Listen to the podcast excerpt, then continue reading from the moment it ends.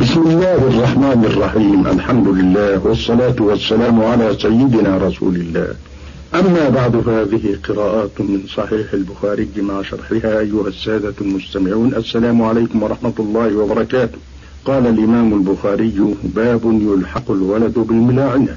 وروى في صحيحه بسنده عن ابن عمر أن النبي صلى الله عليه وسلم لاعن بين رجل وامرأة فانتفى من ولدهما. ففرق بينهما وألحق الولد بالمرأة. أقول وبالله التوفيق قال البخاري باب يلحق الولد بالملاعنة وهي المرأة أي إذا انتفى الزوج منه قبل الوضع أو وهذا الحديث رواه الإمام مسلم أيضا في صحيح فهو متفق عليه. وقد اشتمل هذا الحديث على هذه الأمور والأحكام الشرعية. الأول ثبوت اللعان بين الرجل وامرأته وهذا أمر مجمع على مشروعيته وصحته. الثاني الانتفاء من الولد فلا يلحق بالنسب لأبيه وقد استدل بهذا الحديث على مشروعية اللعان النفي الولد. وللعلماء في ذلك مذاهب فعن الإمام أحمد أنه ينتفي الولد بمجرد اللعان ولو لم يتعرض الرجل لذكره في اللعان. وفيه نظر لأنه لو استلحقه لحقه وإنما يؤثر اللعان بالنسبة إلى الرجل في دفع حد القذف عنه. وثبوت زنا المرأة لكن يرتفع الحد عنها بالتعانها وقال الإمام الشافعي إن نفي الولد في الملاعنة. إن نفى الولد في الملاعنة انتفى. وإن لم يطب له فله أن يعيد اللعان الانتفاء ولا إعادة على المرأة. وإن أمكنه الرفع إلى الحاكم فأخر بغير عذر حتى ولد لم يكن له أن ينفيه كما في الشبهة واستدل بالحديث أيضا على أنه لا يشترط في نفي الحمل. تصريح الرجل بأنها ولدت من زنا ولا أنه استبرأها بحيضة وعن المالكية يشترط ذلك. وقال الإمام أبو حنيفة لا يلاعن النفي الحمل حتى تضع لاحتمال كونه ليس حملا وإنما هو ريح أو علة ومرض وعند الصاحبين يلاعن بنفيه إذا جاءت به لأقل من ستة أشهر من وقت القذف وقال أبو حنيفة ولو نفى الولد عند التهنئة أو عقب الولادة وابتياع أي شراء آلة الولادة صح نفيه بشرط كون النفي حيا ولو فعل المن بشرط كون المنفي حيا ولو قبل التهنئة أو سكت عندها ثم نفاه لا يصح. وبعد التهنئة أو الابتياع لا يصح منه مطلقا ويثبت بالنسب ولا على فيهما. وقال الصاحبان يصح النفي مدة النفاس وهي ما بين الولادة إلى أربعين يوما. الثالث التفريق بين المتلاعنين وهي فرقة مؤددة عند جمهور الفقهاء. لقوله صلى الله عليه وسلم لا يجتمعان أبدا. وجوز بعض العلماء الرجوع إذا أكذب الزوج نفسه. واعتبر الفرقة طرقة واحدة بائنة. والجمهور من الفقهاء على أن هذه الفرقة تكون باللعن. وذهب الإمام أبو حنيفة رحمه الله إلى أنها تقع بحكم الحاكم. وأما قوله في الحديث فرق بينهما يشهد له الرابع انتفاء نسب الولد عن أبيه وتحاقه بأمه في النسب.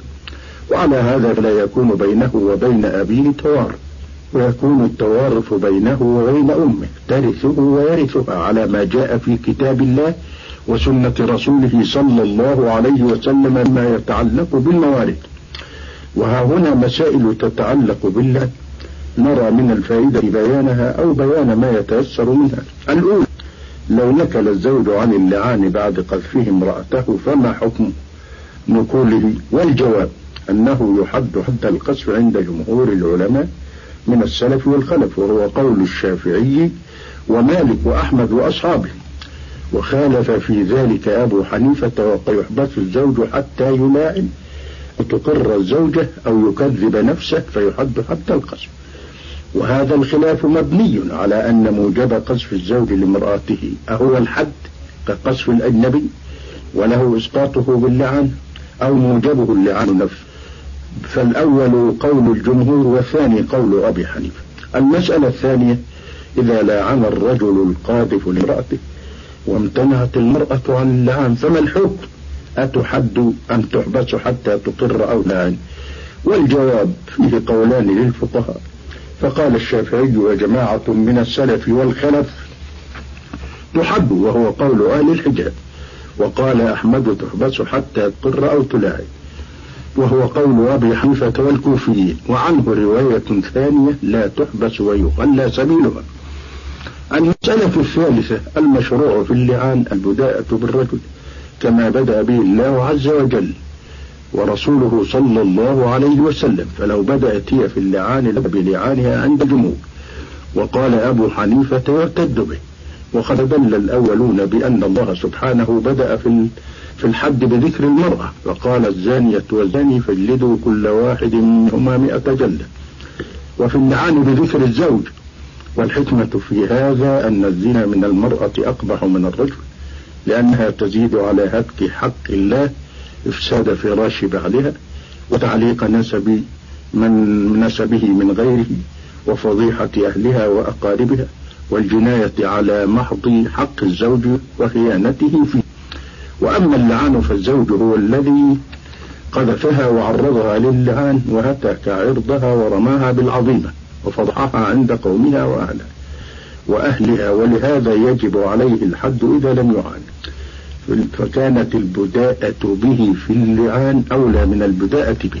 المسألة الرابعة أنه لا يقبل من الرجل أقل من خمس شهادات موثقة باليمين أو خمسة أميال أيمان موثقة بالشهادة ولا من المرأة أيضا ولا يقبله منه إبدال اللعنة الغضب ولا منها إبدال الغضب باللعنة بل يأتي كل منهما بما قسم الله له من ذلك شرعا وقدرا وهذا أصح القولين في مذهب أحمد ومالك وغيرهم.